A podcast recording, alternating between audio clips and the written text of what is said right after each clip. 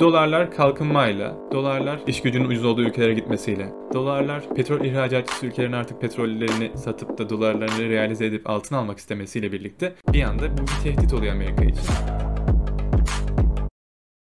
Bunun için 2. Dünya Savaşı sonrasına gitmemiz lazım. 1944 yılında 44 tane ülke Amerika'ya gidiyor. Bretton Woods Anlaşması ile birlikte diyorlar ki biz artık sabit bir şekilde düzenli bir ticarete geçmek istiyoruz. Bunun için de sabit bir para lazım. Yani 2. Dünya Savaşı sonrasında ülkelerin hasarları artık paralarının değersizleşmesine sebebiyet verdi. Aralarındaki ticaret aksamaya başlamıştı. Peki neden Amerika'ya gittiler? O dönemde altın dünyada zenginlik kaynağı olarak bakılabiliyor ve altın rezervlerinin %70'i Amerika'da bulunuyor. E bu kadar büyük miktarda altına sahipse Amerika ben onun para birimiyle ticaret yapabilirim diye düşünüyorlar. Ve doları altına bağlayıp yani mesela 10 dolar var diyelim 10 dolara 10 altın diye sabit bir değere bağlıyorlar. Böylelikle ticarette daha düzenli daha net hale geliyor. Şimdi 44'te böyle bir şey olmasıyla birlikte 44'ten 70'lere kadar Amerika dışarıya parayı akıtıyor bir şekilde. Ülkeler ticaretleri geliştirmeye başlıyor. Artık Amerika'nın bu hegemonyası o dönemde başlıyor. Çünkü 2. Dünya Savaşı'nda ülkeler borçlu dediğim gibi Amerika dışarıda kalmış. Zaten güçlü bir ekonomi olarak başta orada bir duruyor. Ve bunun da daha da genişlemesi de parasının yayılmasıyla oluyor. Artık sadece ekonomik değil bir anlamda siyasi bir gücü de elde etmeye başlıyor bu şekilde. Çünkü artık parası kullanılıyor ve parasını istediği zaman siyasi bir kart olarak da kullanabiliyor. İşte İran'a yaptığı ambargo gibi, Kuzey Kore'ye yaptığı yaptırımlar gibi. Doları kısıtladığında o adam orada ticaret yapamıyor. Peki e, 1970'lere geldiğimizde artık altın standartının kalktığını biz biliyoruz. Evet.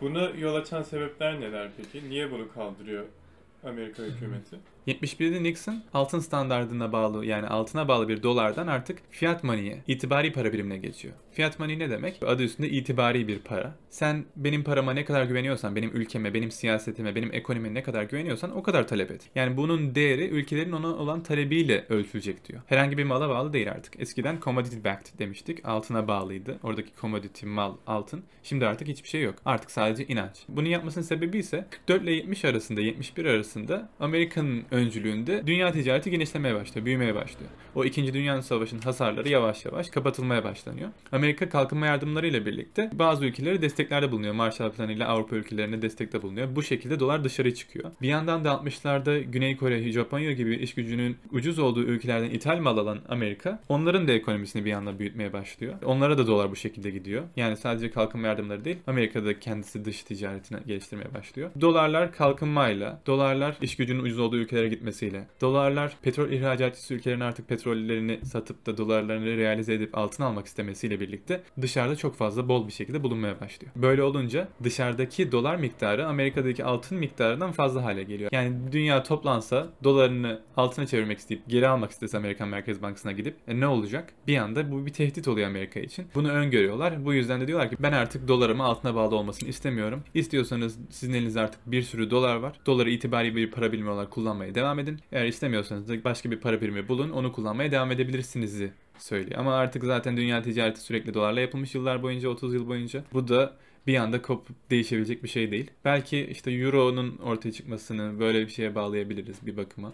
Hani öyle bir egemenliğin el değiştirmeye çabası gibi bakabiliriz. Fakat şu an hala görüyoruz kriz de geçiyor ve dolar hala kullanılıyor. Bugün dünya ticaretinin %88 dolarla, dünyadaki merkez bankalarının rezervlerinin %60'ı dolar. Bu kolay kolay değişecek gibi gözükmüyor bu para birimleri değerlerini nasıl korumaya devam ediyorlar? Altına bağlı bir dolardan fiyat money yani itibari paraya geçilmesi merkez bankalarına çok büyük bir güç verdi. Hatta bir görevi, sorumluluk verdi. Çünkü Merkez Bankası para bastıkça artık parasının değeri düşüyor olacak. Enflasyona karşı bir mücadelede bulunması gerekiyor. E bunun için de gelişmiş ülkeler işte 90'larda başlıyor yavaş yavaş İngiltere ile birlikte. Gelişmiş ülkeler %2 gibi bir bant koyuyor. Diyor ki ben enflasyonumu %2 gibi bir inflation targeting dediğimiz enflasyon hedeflemesine gidiyor. Amerika'da birazcık geç oluyor bu. Yani o süreçte tabii ki de merkez bankaları böyle bir görevi var ve buna göre bir hedef belirliyorlar ama dışarıya bunu açmıyorlardı. Ta ki 2012 yılına kadar. 2012 yılında 2008 krizinden sonraki o sürekli para basma hani demiştik ya e, bankaları kurtarıyorlar, şirketleri kurtarıyorlar. Bunda dolarda bir acaba bir problem mi olacak? Dolar olan güven azalacak mı? Dünya değişiyor mu gibi insanlarda bir soru işareti uyanmıştı. Peki ne oldu? Çok bir şey değişmedi açıkçası. Dolar yine kullanılmaya devam etti. Dolar yine güçlü bir şekilde devam etti. Amerika dışındaki hükümetlerin dolara olan talepleri nasıl gerçekleşiyor? Yani kendi ülkelerine doları nasıl çekebiliyorlar?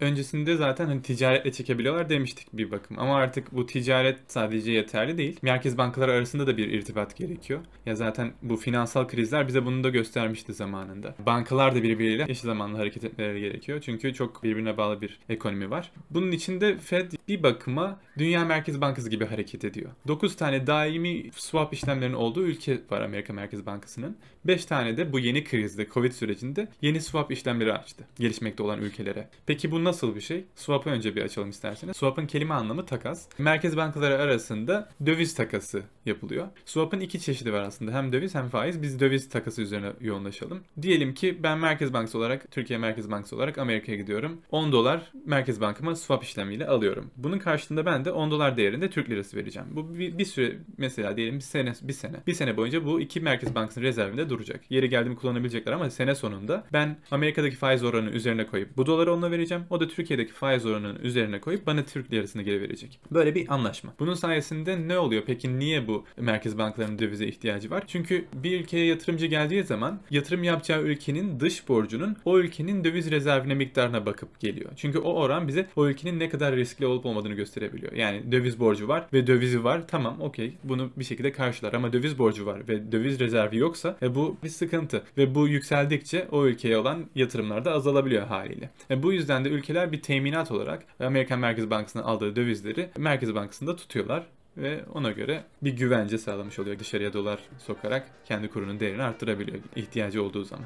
Doların hegemonyasından bahsettik. Özellikle 2008 kriziyle beraber yeni para birimlerinden, dijital para birimlerinden söz ediliyor. Onların doların hegemonyasını kırma ihtimali var mı sence? Yakın gelecekte belki olmaz ama dolar yine bu krizde de bir şekilde atlattı. Bu olacaksa Amerika'nın eliyle olacağını tahmin ediyorum. İşte Libra para birimi vardı Facebook'un çıkarmaya çalıştığı. Şimdi o dönüştü. O zaman ben kendi kendime diyordum ki Libra evet bir kripto parayı oluşturmak için gereken şey etrafında ya insan toplayacaksın ya da hali hazırda bir insan topluluğuna kripto para vereceksin. Yani ikincisini yapmaya çalışıyordu Libra ama şu an bakıyoruz ki bu harekette dönüşmeye başladı. Artık finansal bir girişim haline geliyor Libra. Yani Bitcoin gibi bir kripto para olmayacak gibi gözüküyor. Evet Mehmet teşekkür ederiz. Doların nasıl böyle hegemonik bir güce sahip olduğunu tarihsel olarak anlatmış oldun. İzleyicilerimize herhangi bir sorun var mı? Sizce doların böyle rezerv bir para birimi olarak devam etmesi mümkün mü? Aklınızdaki senaryoları merak ediyorum. Kripto paralar mı olur? Başka bir güç mü olur? Çin mi olur? Ne olur?